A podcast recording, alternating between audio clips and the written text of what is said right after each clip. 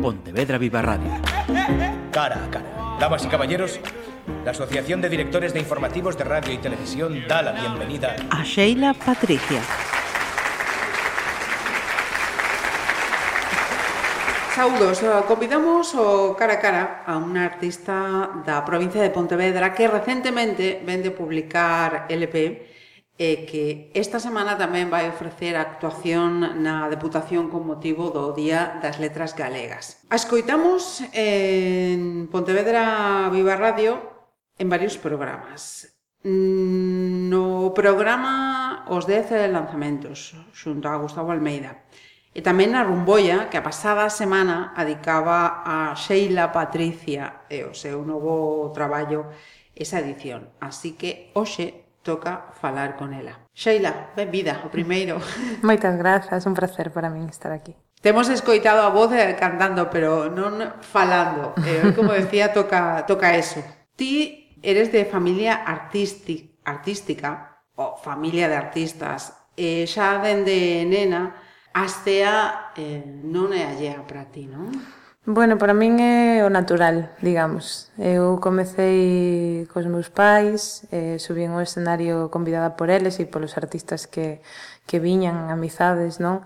Así que para min é, é o de sempre, é toda a vida os escenarios e a música estivo na casa e, e sempre foi algo moi propio. Diferente a dedicarse profesionalmente, por suposto, pero para mí sempre foi un show. Ajá. E cando tomas a decisión de encamiñar a túa actividade pola música? Pois a verdade é que se ben eu con 13 anos, 14 anos comecei a subir aos escenarios, tuve unha adolescencia moi de concursos, de bandas, non, todas estas cousas. Eh, cheguei á universidade e recordo que, que íamos ao bar ao Momo e sempre as, as compañeiras e compañeiros pedíanme que cantase, non? Uh -huh. Pero aí veu unha época na que eu estuve en 4 anos sen cantar nada, nada, porque como que mm, de pronto pois estiven así nunha pequena, así como unha depresión, non? Estou moi de artistas que porque non atopaba un lugar onde onde poder expresar esta música, era unha época na que funcionaban moi ben as salas de concertos, de concertos coas bandas de rock e todo isto. Uh -huh. Era unha época moi eléctrica, eu creo. E eu non atopaba o meu lugar, non? Como que aquela época dos cantautores xa morrera, xa non había eses espazos. E un día, eh, traendo, eu facía BlaBlaCar, comecei a facer BlaBlaCar cando apareceu, oh. traía un chico e apareceme un chico coa guitarra e traíao para Pontevedra. E, e eu dicía, bueno, Pontevedra que é a miña cidade de desenrolo, non? Un pouco, onde vai este chico? Tocar el só coa guitarra, non? E precisamente ia a Posada, que programaba Gustavo Almeida, Ajá. e programaba os, concertos, os concertos da Posada, e ele díxeme, bueno, toco mañán, ben... E cando cheguei a escoitalo, e, e escoitei esa música preciosa que facía, e toda esa xente, ese público escoitando, dixen, ui, estou facendo algo mal. Hai que voltar. Hai que voltar. E voltei con todas as da lei. Iso foi no 2000... Mm, 15, algo así, non sei, en 14, 2014 penso que foi. Obviamente tivo un primeiro e un primeiro ano, o segundo ano así un pouco de, de de rescatarme a min mesma, non? Porque xa a guitarra facía moito que non a tocaba, xa facía moito que non cantaba, non? E de atopar o meu son propio. E así foi, e propúxenmo seriamente, ese día propúxenme, eu teño que voltar E así e quen foi. foi o, o culpable, entre aspas? Ese culpable foi un compañeiro, un colega que se chama Luis Fercán que, Ajá, sí. que é un cantautor que agora vive en Madrid e, uh -huh. e que foi moi bo amigo bueno, seguimos sendo, pero perdemos o contacto non? Uh -huh. e, e a través del e aí entramos nun círculo voltei a Santiago, despois eu marchara viñera para, para aquí de volta, voltei a Santiago e en Santiago había un ecosistema moi bonito nun bar que se chamaba Babel, mm. eh, no que ia Luis Fercán, ia Roy Méndez, que é o que Ajá. despois foi o Precio Triunfo, viña algunha vez Freddy Leis, eh, Carmela, eh, Jorge Casal, bueno, eses eran os que estábamos aí. A semente... Sí claro. do, do, vamos, do, do futuro máis inmediato. Sí, totalmente, o que pasa que nese momento, nese instante, pois non, mm. non ninguén o sabía, non? Que, que iso ia, ia fluctuar, digamos. Ajá, sí, sí. E aí, pois, atopei un lugar onde expresarme, onde cantar, onde a xente escoitaba tamén e, e pouco a pouco, a pouco a pouco foise desenrolando. Ajá. Mira, musicalmente... Eh, te defines dentro de algún estilo, como por exemplo o, o folk fusión ou o das clasificacións non vai contigo? Eh, eu creo que é necesario, eh, pasei moito tempo tratando de definirme, non? que é unha labor que creo que temos que facer para, para poder enfocar os proxectos, para poder proxectar. Non é necesario para unha como música uh -huh. definirse. Unha sí, fai sabe. música, eu son compositora ademais, unha crea e crea o que lle ven, non? ou adapta noutros casos. Eh, pero eu creo que o meu xénero é un pouco Sí que hai folk, sí que hai fusión, eh, sí que este disco, por exemplo, ben, trae moito da música tradicional, pero creo que estou engaixada moito no world music, nas músicas mm -hmm. do mundo, mm. porque ao final eu bebo da nosa raíz, pero bebo de outras raíces tamén e, e fago moita mistura con raíces de outros lugares e ademais interésame moito a música de raíz de diferentes lugares mm. entón interésame moito Latinoamérica interésame moito a lusofonía a África, que en toda a parte africana que falan portugués Portugal, non todo Ajá. eso para min é super interesante uh mm-hmm. -huh. e creo que ten un calado na miña música inevitable non hai máis que ir logo, eh, Precisamente, vencellado con, con isto que estás a falar, hai moitas eh, influenzas eh, que lleven dadas a Sheila Patricia, digamos, eh, polos teus antecedentes, non? Sí. Eh, pero tamén eh, pode haber outras eh, que, que buscas. Cales son unas e outras? Eh, bueno, como che decía fora de micro, me parece ah. super interesante esta pregunta. Eh, eu, as que me veñen dadas, inevitablemente son pois a música de autor, eh, porque eu son autora e ao final creo que todo compositor, compositora pasa por aí un pouco. Eh, a música tradicional, eu comecei tocando a gaita no meu povo, en, en, en cobres, non? Mm -hmm. No entroido de cobres.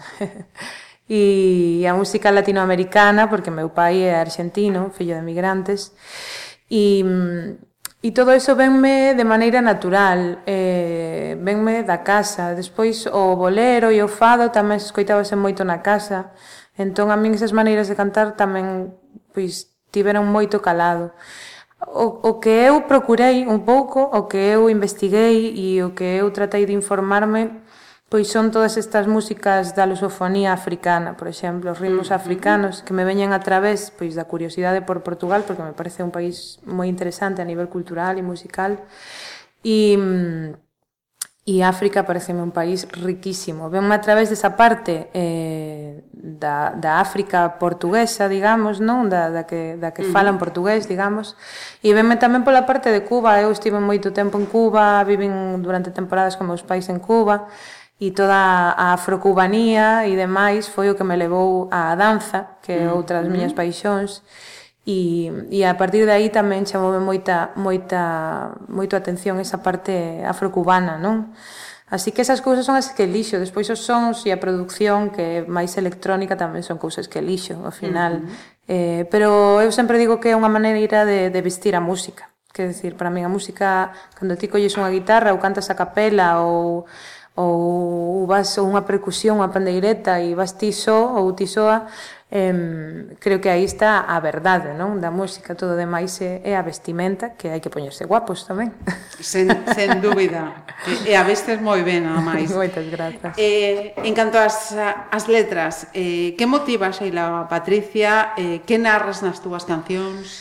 Eu Mm, neste disco chamase Orixe justamente porque falo moito mm, eh, dun eu moi íntimo, eh, de onde veño, cara onde vou e como eu me sinto non nese, nesa viaxe. Eh, e as letras falan moito deso, ao final é inevitable, é, é imposible desapegarse do, do, uh -huh. de como un observa o mundo e como unha o proxecta, non? Eh, e despois hai unha cousa que a min conquistame moito que é o cotián a vida mm. cotián eh, o sentarte e comer ou cociñar co, coa tua nai eh, teño un tema que non entrou no disco pero, pero sairá pronto que se chama Mariscadoras que fala, fala das mariscadoras da ida ría de Vigo non?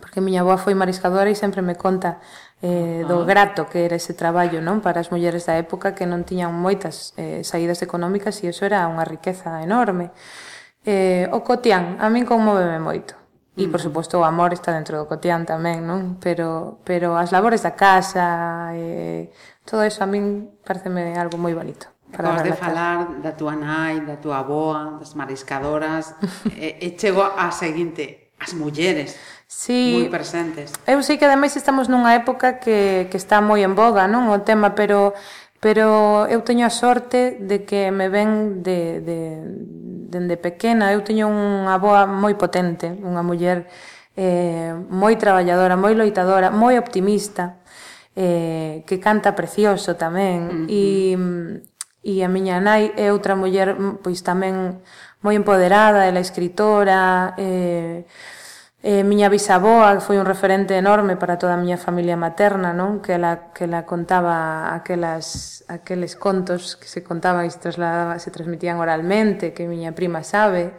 eh, e esas historias, non? Eh, medio picantes, non?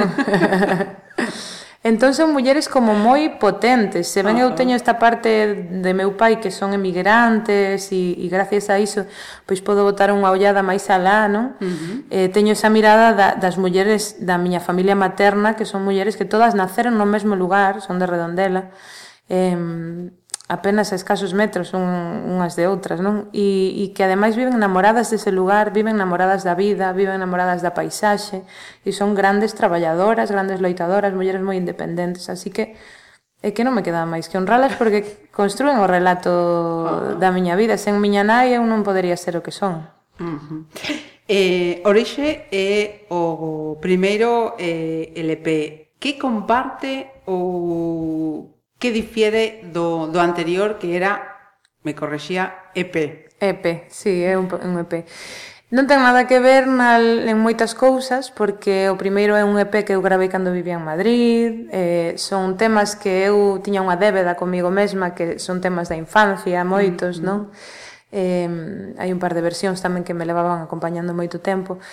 E mm, era un, un EP que, que se grabou completamente en directo eh, eh, se grabou, se ensaiou un, imagínate, un domingo e grabouse un luns e ás seis da tarde estábamos fora do estudio. Así foi, non? Non tivo máis nada que iso. Visto e no visto. Sí, visto e no visto. Xunteime coa banda, ensaiamos, non coñecían os temas nin siquiera, chegamos ao estudio e gravámolos. Oh. De feito, hai un tema que nin ía e eu dixen, vamos improvisar isto, que é o Pequeño Vas Vienes e, e xurdiu así un sexto tema, non? Eh, este, este disco Orixe é un disco producido que eu produ levo producindo moito tempo, producindo antes da pandemia, uh -huh. eh, que chegou a pandemia aí a presentalo xusto ese, ese un par de meses despois de que, de que empezou a pandemia, e eu decidín parar e bloquear ata saber que, que ia pasar, non? Non quitalo nunha incertidume que non sabía se iba a poder presentalo en vivo. Uh -huh. eh, E aí xurdiu algún outro tema como a Moura, xurdiu aí, o resto estaban producidos, preproducidos xa de antes, que xa estaban grabados, o único que fixen na pandemia é regravar algunha voz ou algo así, estaba todo listo, non? Uh -huh. Entón un disco moito máis concienzudo, quero decir, o que está perfecto está perfecto porque o decidín, o que está natural e o mellor non tan perfecto está porque así o decidín, quero decir, eh, eh, a elaboración dos temas, inda que a min a produción foi moi rápida, non tiña moi claro o que quería, tive moito tempo de, de maceralo, entón, nese sentido son moi diferentes. En común teñen que teñen temas propios, uh -huh. Eh, eu non quero abandonar a miña labor de compositora porque é o que me move e é o que me, me fai dedicarme á música e mm, E eu creo que teñen o íntimo, non? Eso, a parte do íntimo e a parte de tratar de buscar un pouco a beleza, non sei, poderase conseguir máis ou menos, pero é, é, é un obxectivo moi claro para min, procurar a beleza, non? Hai artistas que son máis reivindicativos, hai outros que son máis mm-hmm. canallas, e eu teño, pois, un claro obxectivo, probablemente, pois, isto que falábamos de miña nai, non? Pola relación que teño con ela, porque ela é poeta e escritora, pois, Para min ese objetivo é claro. Ajá.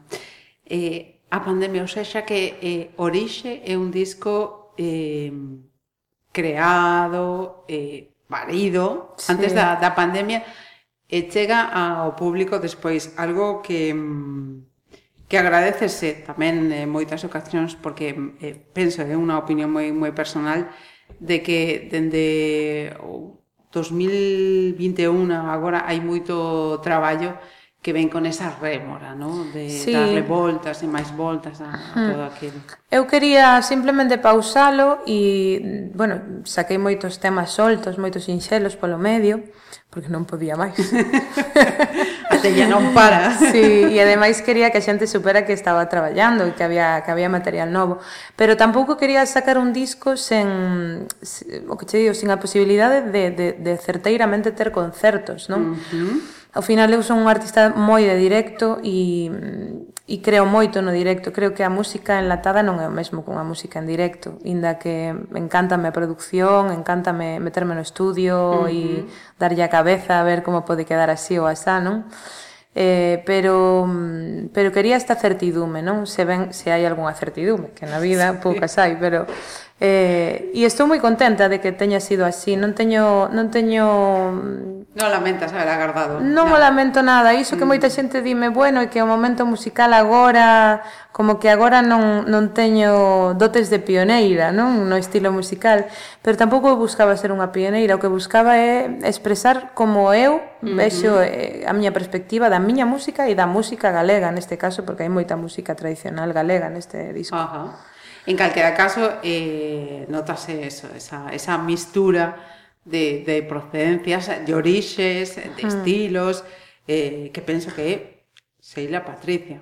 Sí, eu creo que sí, creo que é un disco bastante persoal e, e penso que hai un pouco de todo eh, está, está Señora Almortao que é un tema portugués está A Viaxe que é un tema meu que fala do íntimo está o Maneo de Caión, que é un tema mm. tradicional, está Orixe, que é un mm. tema que fala de min, puramente de min, e, e de como eu concibo eh, Galicia, incluso o noso patrimonio inmaterial, non? A Moura, que tamén fala desto mesmo, non? Que ao final é é unha identidade e, e é unha maneira de concebir o mundo que nos compete a todos e a todas como, a, como, a, como a galegos e galegas e como a persoas que poidan vivir aquí tamén, uh -huh. non? Mm. O que é esta cultura, Ajá. digamos. Mira, e decía ao comezo que mm, temos escoitado a Sheila Patricia en colaboración con Gustavo Almeida. Como foi uh -huh. a experiencia? Mira, foi... Se, con Gustavo sempre é bonito porque somos amigos E, e foi unha cousa dende cada un dende a súa casa, como era na pandemia, non? Uh -huh. eh, el pediume e me dixo, ves ata aquí e grabas aquí comigo, pero estaba cousa un pouco complicada co Covid e eu dixen, e que che parece se che mando dende aquí? Que eu teño un micro moi bo e isto funciona moi ben. E dixome, sí. Entón, Eh, ata que non estivo listo eu non o vin ese, Ajá. eu non escoitei este tema así que eu mandeille o tema cantado mandeille uns, un, un, uns arranxos por detrás no que eu pois facía algunhas voces, algúns cantos e el remexeu eso como quixo uh -huh. e encantoume, o resultado foi precioso sí, sí, precioso. Certamente Eh, tes por diante un verano intensito. Bueno, eso parece, eso parece. O mes de maio apunta que sí, e no verán xa hai cousas confirmadas. Así que eh, o teléfono non para de sonar. Así e que, que siga, e que siga que eso é importante. Sí, super importante. Mira, e tamén estás nestes, eh, nestas semanas eh, cun paréntesis con motivo do, do Día das Letras eh, Galegas. Este xoves eh, estás en Pontevedra cal é a, a túa intervención, a participación con motivo desta, desta data? Bueno, eu fixen unha labor de, de musicar os poemas de Florencio Delgado. É un, é un autor que é do Barco de Valdeorras. Eu teño varias persoas do Barco de Valdeorras no meu equipo, especialmente o director dos meus videoclips, que é Aitor Ajá. Ramos Soto, que é un Valdeorres maravilloso, un rapaz novo, eh, que eu creo que vai ser unha persoa moi potente no audiovisual. E, e un pouco a través de eso, fíxate ti, non? Que cousa tan que podería parecer ban, que banal, pero achegueime a un autor que no que atopei moitísima empatía tiven con el, porque é moi musical, eh, gustaballe moito a música a Florencio Delgado e é un home que, que tivo que exiliarse en México Ajá. e entón esa, ese contacto co, co Caribe e co, co ritmos latinoamericanos ao final eh, a mí facilitoume moitísimo a labor de musicalo e, de, e inspiroume moitísimo. Uh -huh. Entón, cando me enfrentei aos poemas, dixen, eu teño que musicar isto. estamos pedindo el, estamos pedindo ao autor. Saía. Sí, e entón, pois, foi super rápida a labor, de feito. Eu creo que en dous días tiña musicados Caramba. todos os poemas, despois houve que, pois, arranxei nos, diñe un par de uh -huh. voltiñas, pero Nun par de tardes tiña pois máis ou menos claro, teño como 10 poemas musicados ou 12, o sea, outro ah, disco vou ah. ter que preparar. Mira, eh, bueno.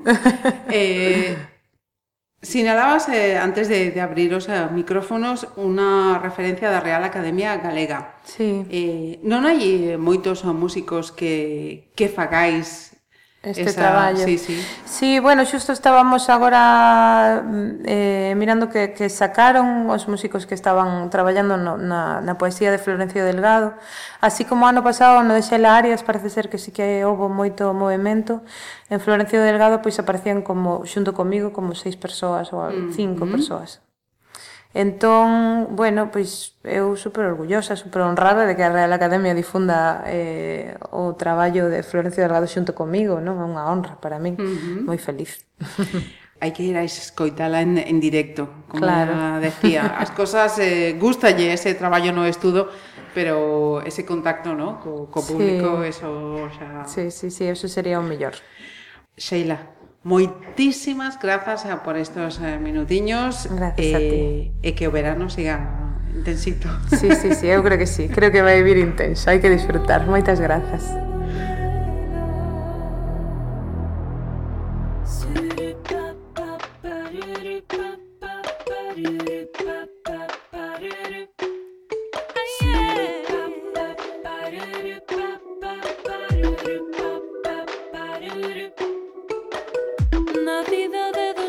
relajo, non quero ser taberneira, non me creo